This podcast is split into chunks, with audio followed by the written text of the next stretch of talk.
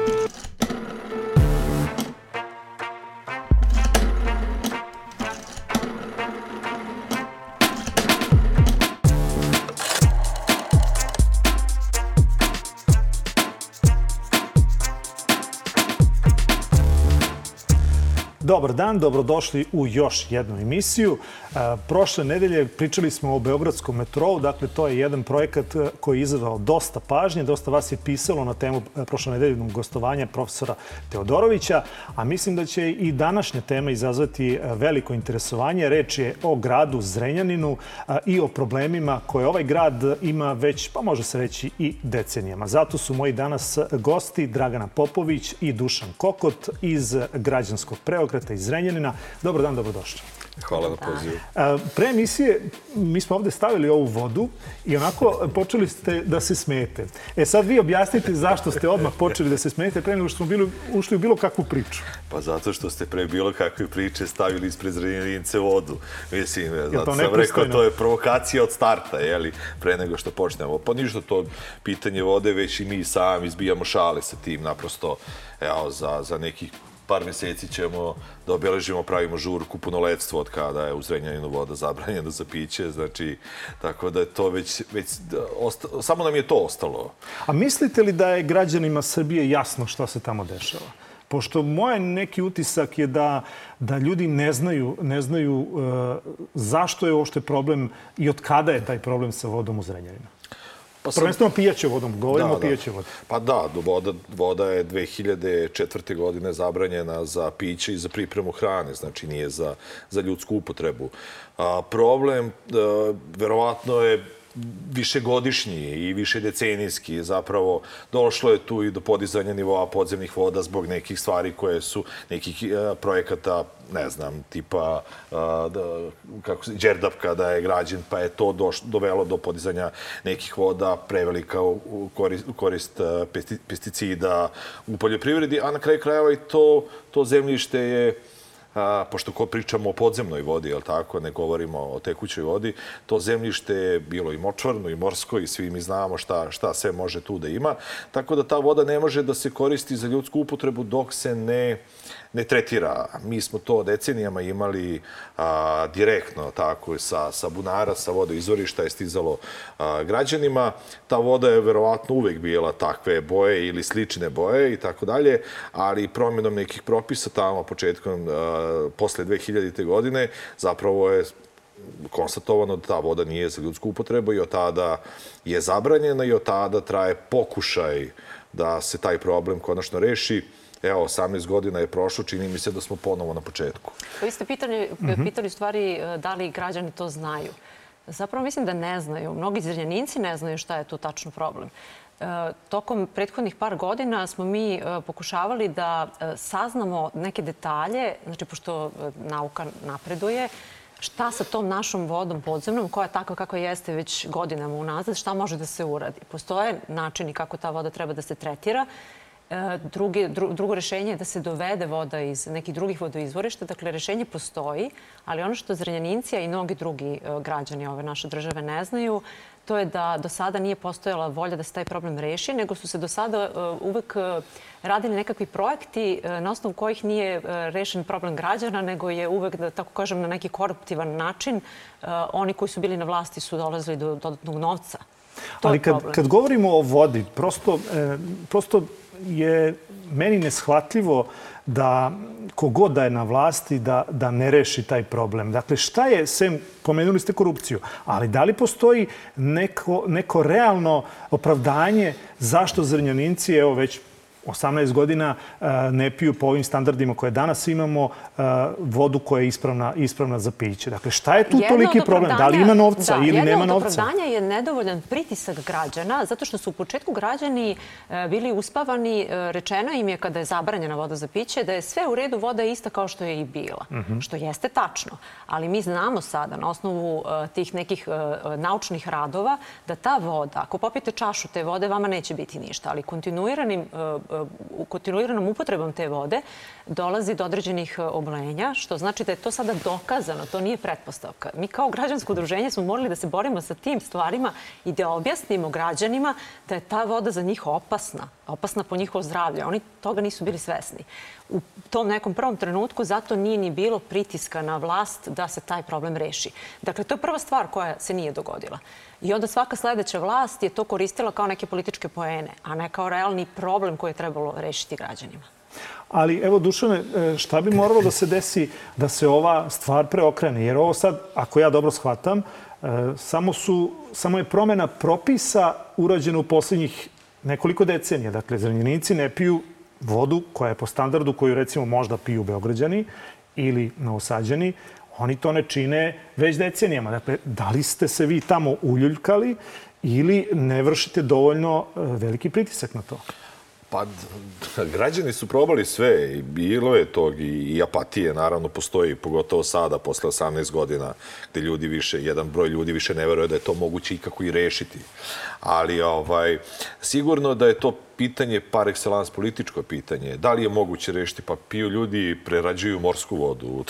u, u Africi se prave da kopaju bunari gde se voda tretira da bi, da bi ljudi mogli da je koriste. Tako da nije uopšte pitanje da li može. Može. Ali je pitanje ko to radi i da li taj ko to radi zna. E, ovaj poslednji primer ovo 2015. znači je potpisan ugovor koji je u startu bio nezakoniti. Ako krenete tim putem bezakonja, onda ne možete ni da stignete na neko ispravno mesto.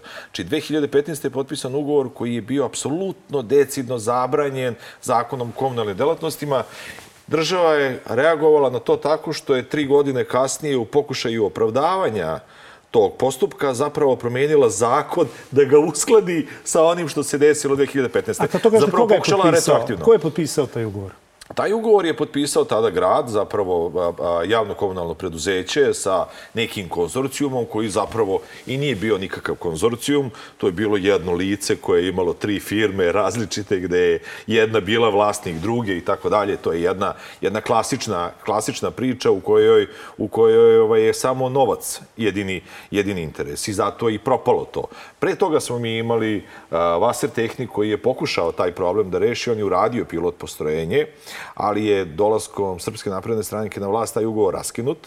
Znači, on je bio zaključen 2012. da bi bio raskinut godinu i po dana kasnije sa jednom ipak renomiranom, renomiranom kompanijom koja se potpuno jasno bavi tim poslom, jer su a, a, zapravo tada tvrdili da je to preskupo, da oni imaju rešenje koje nas neće koštati ni dinara, pa sad, a možemo da pričamo mm -hmm. koliko nas je to zapravo ni dinara koštalo. I druga stvar, tada su rekli da je kvalitet te vode koju je Vasir Tehnik uspeo da preradi zapravo na evropskom standardu, znači jedan berlinac bi mogao da je pije, ali za zrenjaninca baš i nije, pa ćemo da se vratimo na, na nešto sasvim drugo. I oni su tad zapravo, zapravo tad angažovali tu jednu pa ne znam ni kako bi to nazvao, osim prevarom, je li prevarne, prevarni konzorcijum, koji je i pored svih a, a, podrška koje je dobio. Znači, rekao sam, vlada Republike Srbije, zatim Skupština retroaktivno pokušava da ima zakon i posao. Znači, to je potpuno jasno, postoji politička volja. Govorimo o javno-privatnom partnerstvu. Tako je, tako je. Javno-privatno partnerstvo koje je 2015. bilo apsolutno zabranjeno u poslovima sa vodosnabdevanjem. Znači, vi imate jedan ugovor koji je tada potpisan i umesto da sankcionišete one koji su uveli sve nas u jedan nezakonit posao, država donosi izmenu zakona da bi pokušala retroaktivno to da ozakoni. To je, mislim, jedinstven primer ne samo u Srbiji, nego, nego verovatno i šire. I mnogo važna stvar je, znači kada ovo Dušan priča, taj zakon koji je promenjen da bi se to usvojilo. Znači to su neki tokovi novca i recimo, hajde da kažemo da je možda i bila njihova ideja da se neki novac, da kažem, sa strane skloni, jel, ali da se jel, bar napravi kako treba fabrika. Ono što je jako važno, ta fabrika koja postoji u Zrenjaninu nije u mogućnosti da preradi vodu, da dobije e, kvalitet koji je neophodan i količinu koja je neophodna. Dakle, oni su izabrali e, tretman vode koji je neodgovarajući za to podneblje. Što znači da sada i kada, pošto se priča ovih dana o tome kako sad postoji neki drugi uh, ovaj, investitor koji želi da otkupi tu fabriku vode i da nastavi da radi. Dakle, to je nemoguće, zato što je odabrana tehnologija koja ne može tu vodu sa našeg podneblja da dovede do određenog kvaliteta potrebnog, niti mi imamo dovoljne količine vode. A ja bih se nadovezala već na tu temu, već kada pričamo o toj vodi i o količini vode, da nastavimo da pričamo i o nečemu drugom, a to je o fabrici Ling Long koja Hoćemo, ćemo i do dobija toga. dozvole Ali da samo- buši bunare svoje i da izvlači vodu, iako je to isto podnevljeno. Znači, ista, Koji e, onako isti nema izvor, dovoljno. isti Tako je. kog već nema dovoljno i njemu je sad dozvoljeno da tatle buši sobstvene bunare. Preći ćemo na Ling Long, to je jedna Naravno, da. posebna i ogromna tema, ali kad ovo pominjete, a, jeste li došli do saznanja o kojoj količini novca ovde govorimo? Dakle, i za tu fabriku e, za preradu vode a, i za sve ono što je pokušavano da se uradi da bi Zrenjaninci dobili Slušali smo pred svaki izbora i smo imali tu priču. Nebitno koja je vlast bila. Uvek smo imali istu priču. Moramo rešiti problem Zrenjaninske A vode. teško je pratiti te, te tokove novca zato što je u pitanju pri- privatna praktično fabrika. Dogovor je bio na početku da ta fabrika, uh, taj privatni investitor sagrade tu fabriku o svom trošku, da grad Zrenjanin nema ništa sa tim i da oni naplaćuju samo uslugu prečišćavanja vode. U idealnim uslovima to bi bilo nama fantastično. Dakle, građani bi platili čistu vodu i to je to. Međutim, ispostavilo se na kraju da iz različitih, a opet kažem, to su neki tehnološki nedostaci zbog kojih ta fabrika ne može da proradi, grad Zrenjanin non stop dotirao nekim određenim svotama novce, novca tu fabriku, privatnu, pazite, fabriku, davali su iz budžeta grada novac za prečišćenu vodu. Mi uopšte ne znamo zašto je taj novac dat, a jednom prilikom je bivši gradonačelnik čak rekao to nije uh, ovaj novac koji je poklonjen, to je samo uh, novac koji, koji mi pozajmljujemo i to će biti vraćeno. Dakle, mi sad imamo situaciju da ja ne znam ko će vratiti taj novac, a pojavljuje se drugi investitor koji hoće da kupi fabriku, ne znamo ni od koga. Pa Potpuno suluda situacija. Cela fabrika je zapravo napravljena iz projekta. Znači, taj konzorcijum je samo dobio posao.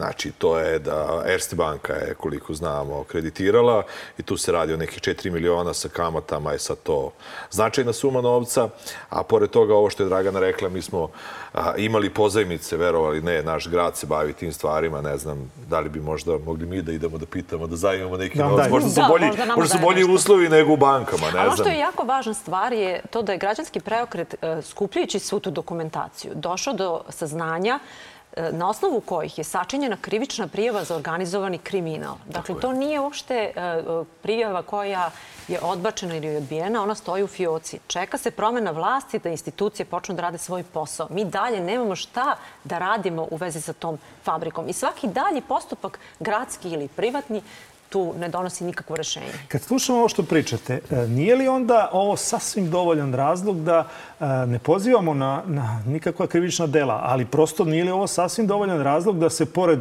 zakona o ekspropriaciji i zakona o referendumu, iako to sad nije popularno, doda i ovaj tekako bitan za- zahtjev, a, a koji se tiče Zrenjanina i okoline, a to je da prosto vi hoćete da živite kao i svi ostali gradovi u Srbiji, ili bar većina njih. Pa nedelja ima sedam dana. Ajmo subotom da se bavimo ovim zakonima, možemo nedeljom da se bavimo drugim. Ponedjeljkom trećim, nažalost, problema ima toliko da bi svaki dan trebali da budemo na ulici i svaki dan bi trebali da, da pokušavamo to da rešavamo, jer neće niko drugi, osim nas građana, jeli, uz, a, a, a, ima i mogućnost uopšte da, da na to utiče. Tako da, a, a, a, jedino, reš... probali su tu građani sve, pazite, građani su i 2012, znači je 2004. godine, kad pričamo o vodi. Probali su tu građani čak i promenu vlasti 2012. Pa nije došlo, nije došlo do rešenja. Zato kažem, taj problem je rešiv jedino onda kada postoji politički interes da se samo on reši. A, A ne koga da se vidite pravi... kao najodgovornijeg? Dakle, Pa ne, ne govorim sad o, da li, trenut, da li lokalna vlast, da li je to gradonačelnik, da li je pokrajina ili republika. Dakle, kako bi ovo moralo da, da, da se rešava pa da se konačno reši? Ili je to sam predsjednik koji će reći evo ja ću rešiti problem Zrenjaninske Pa vode? dobro, on to priča, ali naravno da od toga nema ništa. Naravno da je najodgovornija republička vlast, jer i ta direktiva, znamo kako funkcioniše danas sistem a, a vlasti u Srbiji, potpuno jasno da lokalna samuprava nema pravo, niti ima ingerencije, niti ima mogućnosti da se sama bavi takvim stvarima. Na kraju krajeva država je, rekao sam, menjala zakon, a nije ga menjala Skupština grada, grada Zrenjanina. A odgovornost je isključivo na njima. Znači, pričala je Dragana malo pre tu i o nekim drugim rešenjima koji, kojima su se bavili ljudi od struke, koji su govorili uglavnom o regionalnom vodo, vodovodu koji, jer nije samo Zrenjanin tu ugrožen, mnoga mesta tu u okruženju nemaju ispravnu vodu, Kikinda ima gotovo identičnu, ali nije stavljena zabrana i tako dalje. Znači, jedan takav projekat po, po nekim analizama koje je radio institut, da. Jaroslav Čedni je negde bilo oko, oko 300 miliona, čini mi se, 300 miliona evra da se reši taj kompletan problem. Mislim da je Dubovac bilo ovaj, izvorište, odakle bi se koristila voda i bukvalno ceo banat da bude rešen. To je Sad kad govorimo 300 miliona, to je za jedan Zrenjanin previše. Ali za jednu a, državu Srbiju to je tri godine primjer lige ili jedan nacionalni stadion, a i ovi nam zvrlje prazni. Znači, to je pitanje političke volje i ničega drugoga. Kada bude politička volja da se taj problem reši, on će biti rešen. Političke volje je svakako bilo kada je odlučeno da se Ling Long e, da dođe iz Kine u, u, u Srbiju i e, kada smo se dogovarali za ovo gostovanje, vi ste mi u jednoj rečenici napisali da u Zrenjaninu niče ala ili aždaja, e, tu neku reč ste upotrebili od, od fabrike. Dakle, šta to niče 80 km severno od Beograda? Pa to zaista jeste aždaja. Mislim, to je fabrika koja će proizvoditi na godišnjem nivou 13, nešto miliona pneumatika. Mislim, to je, to je jedna neverovatna cifra. Pritom, ono što nas najviše boli je to što je zemljište na kom se nalazi sada ta fabrika, odnosno gradi, je poklonjeno. Znači, to je e, poljoprivredno zemljište prve kategorije. Banat, inače, zemljište koje se koristi za poljoprivredu, za proizvodnju hrane, koje koriste e, ljudi van Zrenjanina. Dakle, to nije jedan lokalni problem. A što se tiče te megalomanije tog projekta, Suština je u tome da mi nemamo ništa protiv investicija i protiv bilo koga. Nije bitno dakle dolazi taj investitor, nego smo protiv toga da naša država bez ikakvog objašnjenja proglašava taj projekat projektom od nekakvog posebnog značaja. Mene jako zanima koji je to naš značaj. Mislim, u čemu je značaj e, za Republiku Srbiju to što ta fabrika tu niče? Ko će tu e, profitirati? Dakle, kada pričamo o investicijama, treba biti vrlo precizan. Investicija znači ulaganje novca da bi nam se taj novac vratio sa zaradom. Ko tu investira? On, e, predsjednik, kada brani e, izgradnju fabrike Ling Long, on kaže tu će biti zaposleno, ako ja dobro pamtim, 1200 ili 1300 ljudi, je li tako? Ali ćemo tu imati proizvodnju 40.000 guma dnevno a svi to karakterišu kao prljavu tehnologiju i onda još tome dodaju uh, odakle dolazi ta fabrika, a to je Kina gde baš ne vode računa o, o, to o ekologiji. To zapravo uopšte nije važno. To odakle ta fabrika dolazi zaista mm -hmm. nije važno. Važno je ono što se dešava ne, na relaciji. na tehnologiju. Slažem se, ali oni kažu da koriste tehnologiju propisi. koja je nemačka tehnologija. Mm -hmm. Dakle, proizvodnja guma je po definiciji, ne kažu to mnogi, to je po definiciji prljava tehnologija. Neminovno je da će do zagađenja doći. Koji su objemi tog zagađenja, to ćemo tek videti. A što kažete, kineske investicije smo videli na ovaj, primjeru Smedereva i Bora. Ja se nadam da mi to nećemo dozvoliti. Znači da mi to gledamo i da s ne znamo šta ćemo. Međutim, E, suština je u tome da davati novac nekome zarad nekih radnih mesta, to smo imali već priliku da gledamo. Taj sistem donacije novca nekome ko već ima novac, koga ulaže da bi zaradio više, nije normalan. Mi smo imali situaciju sa fabrikom Geox, je li tako, koja je posle pet godina pokupila svoj, e, svoje mašine i otišla u neku drugu državu gde je mogla da verovatno dobije opet neku novu vrstu pomoći. A radnici su ostali bez posla. Mnogi su to komentarisali dok su trajale te dotacije, dotle smo bili tu, čim smo to Tako potrošili. Je. E sad mi imamo situaciju koja je drugačija. Dakle, mi znamo da ta fabrika neće otići za pet godina, ali je suština da na osnovu tog e, do, dotiranja, odnosno subvencija koje je država Srbije dala ovoj kompaniji, oni imaju obavezu da zaposle tih 1200 radnika na pet godina. Nakon tih pet godina, oni nemaju dužnost da zapošljavaju naše radnike, ali će ovde ostati, za razliku od Geoksa koji se pokupio i otišao, nama će ostati samo zagađenje. E sad, zašto tvrdim da će oni dobiti otkaze i da tu naši ljudi neće raditi? Zato što sada već znamo da u jednom okolnom selu, nadomak Zrenjanina, a u blizini Linglonga, e, taj investitor je kupio zemljište koje je čak promenjena namena tog zemljišta na kojem oni planiraju da grade e, petospratnice za stanovanje radnika. Šta mislite, koji će tu radnici živeti? Ako, pa, mislim, ili kinezi ili vjetnamci. Šta god, ali lokalno stanovništvo, o čemu priča predsednik da će biti zaposleno, zapravo tu neće raditi. A na kraju krajeva i kad pogledamo uslove u kojima već rade ti ljudi, ja nisam sigurna da iko želi tamo da radi. Može li ovo da se preokrene? To jest, 500 e, e, hektara ili ne grešim, 500 hektara 100, je... 100, oko 90 nešto hektara ukupno je Aha. površina koja je njima poklonjena. Dobro, i šta je još dotirano?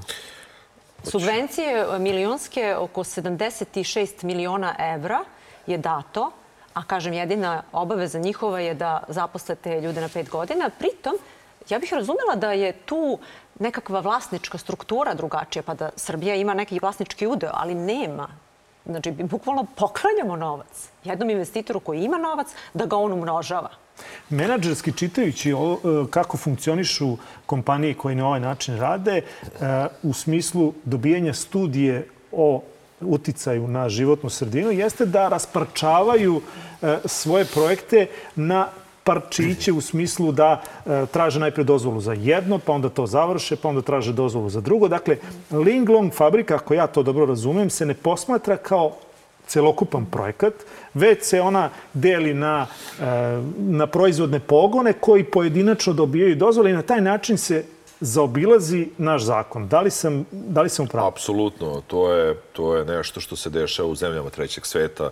To ima i svoj naziv kao salami slicing. Salami znači, slicing, da. da. Da, da, se ceo projekat iseče na, na, na više faza i da vi ni jednog momenta nemate integrisanu studiju procenu uticaja. Znači, nemate procenu kumulativnog uticaja na, na životnu sredinu i to se deš, dešavalo se u Zrenjaninu i, i zašto, zašto je uopšte taj ceo projekat toliko problematičan? Pa iz prostog razloga toga, evo sad smo pomenuli jednu nezakonitost, ali suštinski od prvog Ašova, koji je tamo predsjednik države slavodobitno iskopao do današnjeg dana, tamo se ni jedna stvar nije desila da je ispoštovana zakonska procedura Republike Srbije. Znači, možda takva jedna kompanija može da postoji, ne znam, nekoj drugoj zemlji, evropskoj zemlji, ali tamo postoje pravila. Ovde je problem to što je država okrenula glavu na drugu stranu. Ne samo što je dala 80 i nešto miliona sa tim zemljištem i tako dalje, nego je okrenula glavu i pustila je investitora da radi kako god on to misli da treba da radi. I tu nije kraj, to je zapravo samo jedan početak. Pa evo, mi danas smo došli iz Renjena, naišli smo na, na, na 30 automobila na putu, to je 70 km. Ali će za potrebe zbog Ling Longa se hradi autoput koji će da finansira opet Kineska razvojna banka, opet krediti 700 miliona evra koje će građani Republike Srbije morati da vrate, a postavlja se pitanje opravdanosti uopšte takve jedne investicije, jer saobraćaj, tranzit saobraćaja danas nema nikakvu, nikakav problem, nemamo, jeli, ne, nemamo potrebu za izgradnju autoputa. On se radi opet za, za investitora, znači sve što se dešava oko tog, a to je zapravo cijela jedna regija, taj Shangdong koji je jedna regija tamo u Kini, koliko znamo, a, a, a, javni te, poziv za, za, da, za tender za izgradnju autoputa su upravo i oni raspisali. Ne čak ni Republika Srbija, nego Shangdong. Tako pa da je to, to je... taj banat onda eksteritorija postala? Pa ne, očigledno, jer ono što mi dobijamo kao informaciju kad kažu ali to će da nam proizvede 600, znači nekoliko puta je zamjenik gradonačelnika Zrenjana govorio 600 miliona dinara koje će svake godine budžet da prihoduje Republike Srbije od poreza, doprinosa i tako dalje. Ali vi kad tih 600 miliona dinara, kad onih 85 miliona eura koje ste poklonili mm -hmm. pretvorite u te dinare, pa 20 godina oni neće vraćati. Onda se postavlja pitanje da li su to samo porezi i doprinosi na zarade, a gde su carine? Mi ne znamo da li je taj ugovor, međudržavni ugovor između a, a, a Republike Srbije i Narodne Republike Kine a, definiše i pitanje carina, pitanje, pitanje je li kako, ko će da zarađuje novac i, a, od izvoza. Potpuno jasno da 40.000 pneumatika neće prodavati u Srbiji, pa mi vozimo polovne gume. Ali znači, mi kupujete u ovoj prodavnici što je otvorena čim, ovaj, čim je prvi Ašov uh, ušao u, u Banatsku zemlju, rekli su da će da otvore prodavnicu u Zrenjaninu koju već sad možete da kupite te gume. Pa dobro, oni te gume, mislim, ti guma je verovatno bilo na tržištu Ima. i pre nego što, što je Linglong došao ovde. Ali to što, jako je zanimljivo i način na koji je on došao i tu je, čini mi se, ključ tog problema. To je taj međudržavni dogovor koji nigde nije objavljen. Znači, mi imamo jednu, jednu fabriku koja niče, na, a, a proglašena je za projekat od nacionalnog interesa od nacionalnog interesa i zato i problematična i zbog ovog zakona o ekspropriaciji. Jer nemate informacije koje bi Ne možete doći do informacija. U čije ime se to zaključuje nema pojma šta u tom dokumentu piše. Mm -hmm. Znači, mi ne znamo zapravo ništa osim onoga što nam oni saopšte. Na Ali svako, to imati Beograd na vodi je otprilike po tom pa istom to je model. To je model. Rađe. To je model i, i ono što, što su bile neke informacije koje su do nas dolazile i pre same najave izgradnje fabrike, da su neki krugovi već bili u Beogradu ovde znali za, za, za taj posao, da se neki godinu i po dana otprilike, ja sam dobio informaciju, nekih godina i po dana čovjek mi je pričao milionama, milionima automobilskih guma i tako dalje. Ja nisam znao uopšte o čemu, o čemu mi čovjek govori, jel tako? Odbili su ih Slovaci, Poljaci, Česi. Ne želi niko to na, na svojoj teritoriji, jel tako? Njima bi bilo normalnije da su u nekoj Slovačkoj. Pa kome će da prodaju gume? Pa prodavaće Skandinavcima, prodavaće zapadno Evro. Jeftinije im je za transport ako, a, transport ako ni zbog čeg drugog. Naravno, svi su ih odbili, oni su došli ovde, ali je ono po svemu sudeći što se dešavalo jeste bila tiha priprema, da ne dolazimo u poziciju lex specialisa kao, kao, kao kod pitanja Beograda na vodi, nego da pokušavamo to jedno, u jednom miru, dok se ne zna ništa, da malo po malo mi menjamo te zakone. Sad neki zakon o planiranju i izgradnji koji je menja, ne znam, pre tri godine, tada niko od nas nije ni znao za, za neki Ling Long ili zapravo nije bilo javno, pa niko to nije ni pratio. Kad ovo e, kaže e, Dušan, nije, niko nije ni pratio. Da li, da li ste vi učestvovali u bilo kakvoj javnoj raspravi koja je bila kao nešto što je ponuđeno što pokretima koji su aktivisti ekološki ili tome slično ili prosto zainteresovanim građanima. Da, rekli ste da su uh, pravili tu podelu te studije, procene, studije o proceni uticaja na životnu sredinu mhm. -huh. je bila podeljena na nekoliko delova. Tu je postojala neka javnost koja je žela da učestvuje u tom u smislu da čuje o čemu se tu radi. Međutim, uh, osim što je podeljena na, na, na delove, čak jedna je održana u Zrenjaninu, jedna, na primjer, u Novom Sadu, ljudi su bili sprečeni da prisustuju. Dakle, policija je zabranjivala, naravno tu su bili neki izgovori zbog COVID-a, ograničenog broja ljudi, onda tu u stvari uđe dovoljno njihovih predstavnika da niko drugi od građana ne može, ne doći i tako dalje, tako dalje. Mi smo osim toga naravno postavljali pitanje, a oni su morali to pisane putem da nam ovaj, odgovaraju i konkretno baš na to pitanje koje sam rekla zbog tih bunara, to sam ja postavila. Zanimalo me je odakle će oni izlačiti vodu koja je njima potrebna za proizvodnju.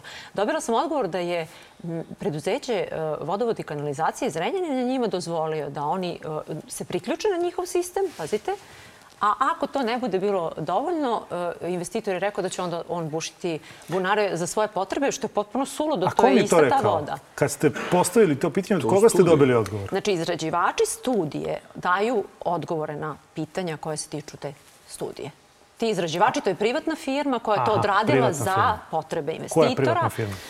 Ne znam tačno naziv, ali mogu vam to najde proslediti. Da, da, naša, naravno, da, to su naši ljudi, ali je činjenica da oni to rade pro forme, da ispune neku e, formu, suštine naravno nigde nema. Ja stalno se vraćam na neku ekonomiju, mislim da je to ljudima jako važno. Kada se priča o tome koliko će e, država da ima e, od toga prihoda i slično, jako važna stvar je, osim toga što smo govorili koliko novca je dato tom investitoru da uveća svoje bogatstvo, Tu smo preskočili naravno neke podatke, na primjer, ne znam, 400 miliona je dato za razminiranje zemljišta koje je već bilo u njihovom posedu. Dakle, Millennium Team je plaćen iz gradskog budžeta, baš čudno.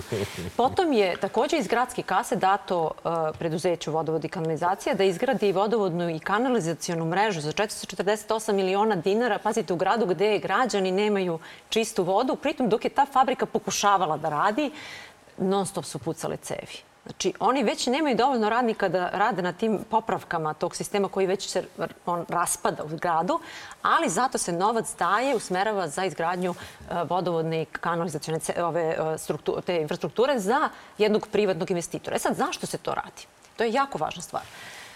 Taj deo uh, grada na kom se gradi Ling Long je proglašen za slobodnu zonu.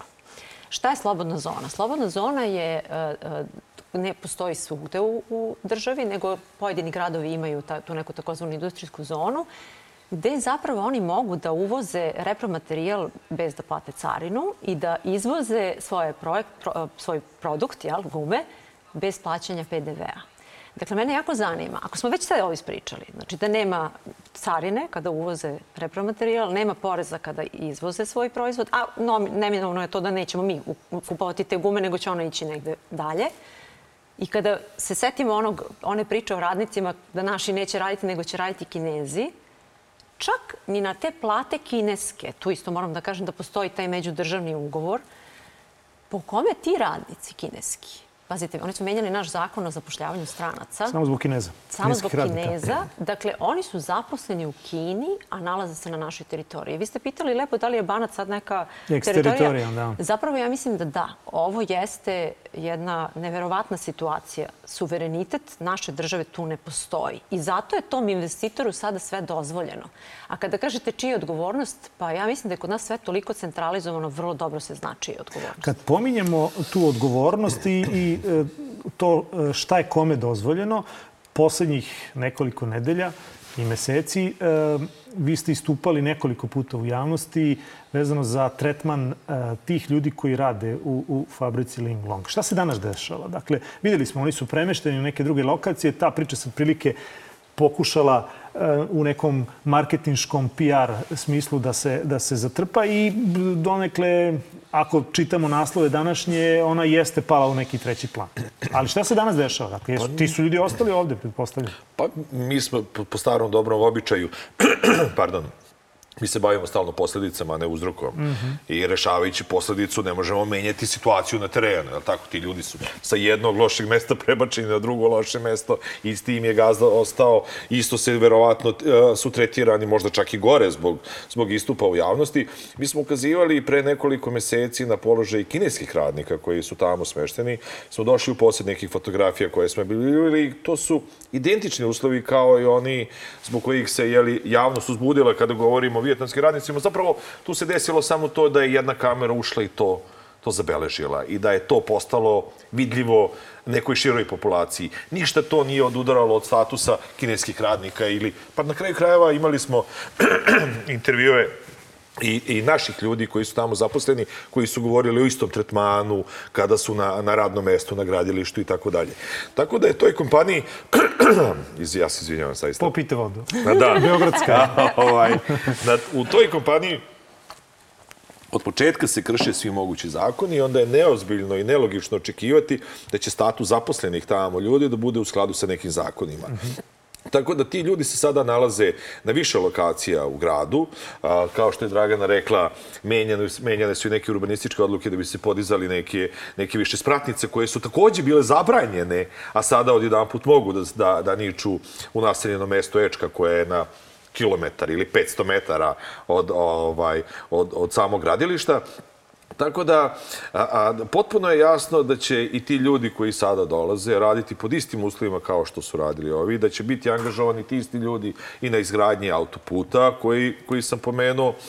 I ja ne očekujem da se tu bilo šta promeni. Dok god ne bude država konačno sela i kazala država, da li postoji uopšte, a, ovaj, a, ne bude preuzela, a, a, uradila svoj deo posla i kao što se prema meni ponaša kada prekršim neki zakon, pa tretira to na jedan način, da to isto uradi i prema tom investitoru. Dok god to se ne bude desilo, mi ćemo imati te sporadične priče koje se pojave, postanu viralne i tako dalje, ali ni jedan problem neće biti rešen. Oni su prebacili tamo ali nekoliko ljudi. Pričamo, u... moram da kažem samo jednu konkretnu stvar. Ovako deluje to kao nešto uopšteno, sad oni krše. Znate, izašao je tamo na lice mesta pokrajinski inspektor i zaključio je da oni grade na površini od preko 47.000 kvadratnih metara bespravno, bez građevinske dozvole. Nare, naređeno im je da poruše to što su počeli da grade. Znači, i trebalo je kaznu da plate za to. To je negde zataškano. I onda smo mi kao udruženje podnali krivičnu prijavu protiv investitora, ali pazite sad ovo, i protiv izvođača radova. I onda je premijerka u slučaju vjetnamskih radnika rekla da ti vjetnamski radnici nisu angažovani od strane Ling Longa, nemojte da blatite Ling Long, njih je angažovala neka druga firma. Zapravo to je ta ista firma koju smo mi već obeležili i predali krivičnu prijevu protiv i izvođača radova. Takođe je to kineska ovaj, firma, ali prosto hoću da kažem, to su igrarije njihov ping-pong. I sad šta se dešava sa tim radnicima? Oni su sada prebačeni, deo njih, u nekakve prostorije koje smo, što kaže Dušan, mi smo to već ovaj, uslikali i objašnjavali još početkom ove godine, Postoje snimci iz tih prostorija i gradska e, inspekcija je izdala rešenje, pazite, o rušenju tih bespravnih objekata koji nisu na parceli Linglonga, nego pored Linglonga. Dakle, to su neki privremeni objekti, ali, pazite, iz formalnih razloga je pokrajinski inspektor rekao da to rešenje ipak se obustavlja, jer zamislite, oni su to rešenje dali ne samo tim privatnim vlasnicima na čim parcelama se nalaze ti objekti, nego su poslali i Linglongu. Jer se to kao njih ne tiče i sad to je van snage. To su potpuno igrarije. Zapravo što oni hoće? Oni hoće taj ping-pong da nastave sa nama da igraju dok ne izgrade Dok te ne- objekte, ne nikne. objekte koji će zapravo biti za smeštaj radnika. Tako je. A, može li se ovde išta uraditi? Možete li e, vi, poslovično mirni Vojvođani, da, da uradite nešto? A, ovo, kako sad stvari stoje, ovo će doći do nekog svog m, kraja. Može li, da li se ovo u bilo kom snu može nazvati Greenfield investicijom i da li e, ta zelena investicija može da opravda svoje ime u bilo kom obliku? Evo recimo da se na sledećim izborima promeni e, vlast i da ta vlast odluči da radi sve po zakonu. Da li je to sada moguće? Moguće je. Moguće je, još uvijek je moguće. Dragana je pomenula nekoliko postupaka koje su mi pokrenuli. Ti postupci stoje i čekaju na upravnom sudu i u čujem i da tužilaštvu. krivične prije- prijeve da ste podnosili. Imate li jednu pozitivno rešeno? Ne, Ne, ni, sve ni čeka, jednoj sve se ne stoji. Koliko ih rešava. ima? Ali, ali pazite, Koliko ništa ima? nije odbijeno, ništa nije odbačeno, što znači da osnova ima i na pravom mestu smo predali Aha. krivičnu prijavu. Dakle, mi smo odradili ono što je do nas. Kada pričamo o tome šta zrenjaninci mogu da rade, a to zapravo nije problem samo zrenjaninaca, u to su uključili i još par nekih organizacija koje nisu sa lokacijom u Zrenjaninu. Definitivno što znači da je to problem koji nadilazi Tako je. Zrenjanin, tu nema Tako šta. da, e, situacija je takva da tu i tekako mogu stvari da se reše, ali mora da postoji volja. Ti međudržavni ugovori koji postoje, pa znate, neko, neko potpiše jedan ugovor, a neko može da potpiše i drugi ugovor. Dakle, to je stvar dogovora. E, Kada pričamo o tome odakle dolazi ta investicija, pa ja kažem nije važno odakle dolazi. Ja ipak moram da kažem, sa druge strane, da je e, Srbija jedna mala zemlja, možda smo mi e, ponosni, ali smo mali, naročito kada se upoređujemo sa nekim velikim silama, a Kina jeste jedna velika sila. I ne možete sa njima raditi dogovore tako da se pola toga ne zna. Jedina, jedini način da se građani države Srbije zaštite od uticaja tako velike sile, a stvarno jeste sila, jeste da sve bude transparentno. Mi mnoge stvari ne znamo. To je sve urađeno nama iza leđa. E, Vlada je donela odluku da je to projekat od nacionalnog značaja bez ikakvog objašnjenja. E to može da se menja. Objašnjenje jednom, ukoliko se ja sećam, jeste bilo da to e, je projekat nacionalnog značaja zato što će on um, služiti boljitku svih građana, e, građana Srbije, ali sem toga ja nisam uspeo da nađem drugačije, drugačije Pa objašnjenje. Zakon dozvoljava u suštini da vi proglašavate ovako jednu veliku investiciju, veliku investiciju za investiciju od nacionalnog značaja. Dakle, to nije nešto gde je prekršen zakon, ali prosto postavlja se dakle ovo sledeće pitanje, hoćemo li Kako mi to proveravamo, da li je to projekat nacionalnog značaja? Koji je, koji je to značaj za, za javnost, evo, za, za građane Zrenjanina? Hiljadu radnih mesta. Pa šta mi vredi ako će bolnica da bude, ako će da bude puna onkologija? ili ako će pola vas da se iseli odatle. Čemu to to, služi? Čemu to onda služi? Tako da, a, a, ono što će ostati kao problem jeste to što su oni preneli u vlasništvo. Znači, zemljište je njihovo. To je postalo njihovo vlasništvo bez naknade. Uknjiženo, upisano u, u zemljišne Oni su knjige prvo što na su izgradili, prvo su izgradili tu ogradu. Ograda. To im je najvažnije, da niko ne može da uđe tamo. Da, to je najvažnije bilo.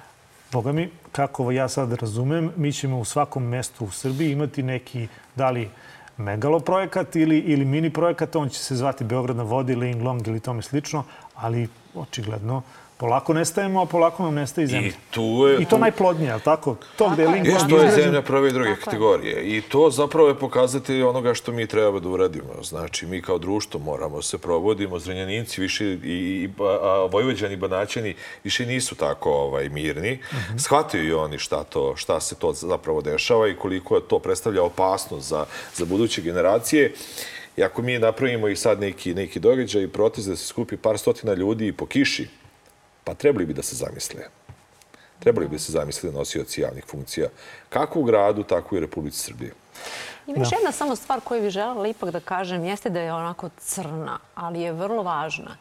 E, Vojvodina je generalno multikulturalna jel, jedna e, celina.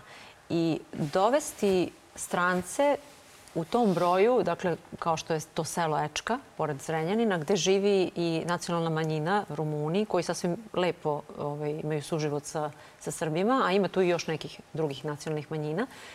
Sada dovesti toliki broj stranaca e, dovodi zbog nerazumevanja i zbog straha do nekakvih tenzija. Ja se bojim da ćemo mi zapravo imati taj problem. A to je onda mnogo teže rešiti nego neki potpis na nekom međudržavnom dogovoru. Da, hvala vam puno na, na izdvojenom vremenu. Vreme je zaista da se, da se građani zamisle i da uh, shodno tome reaguju. Hvala još jednom, Dragana Dušane. Uh, a mi ćemo se uh, sledećeg utorka baviti nekim drugim temama. Uh, broj telefona, Viber broj uh, za vaša pitanja 069 893 0023 otvoren. Možete postaviti pitanje, iznati vaš problem. Ja ću se truditi da dođem do zvaničnog odgovora ili do bar odgovora koji bi mogao da uh, pronađe put ka rešenju određenog problema. Takođe, pitanje možete slati i na Facebook, Instagram i Twitter mrežu Pitajte Đuru ili pišite na pitajteđuru.nova.rs.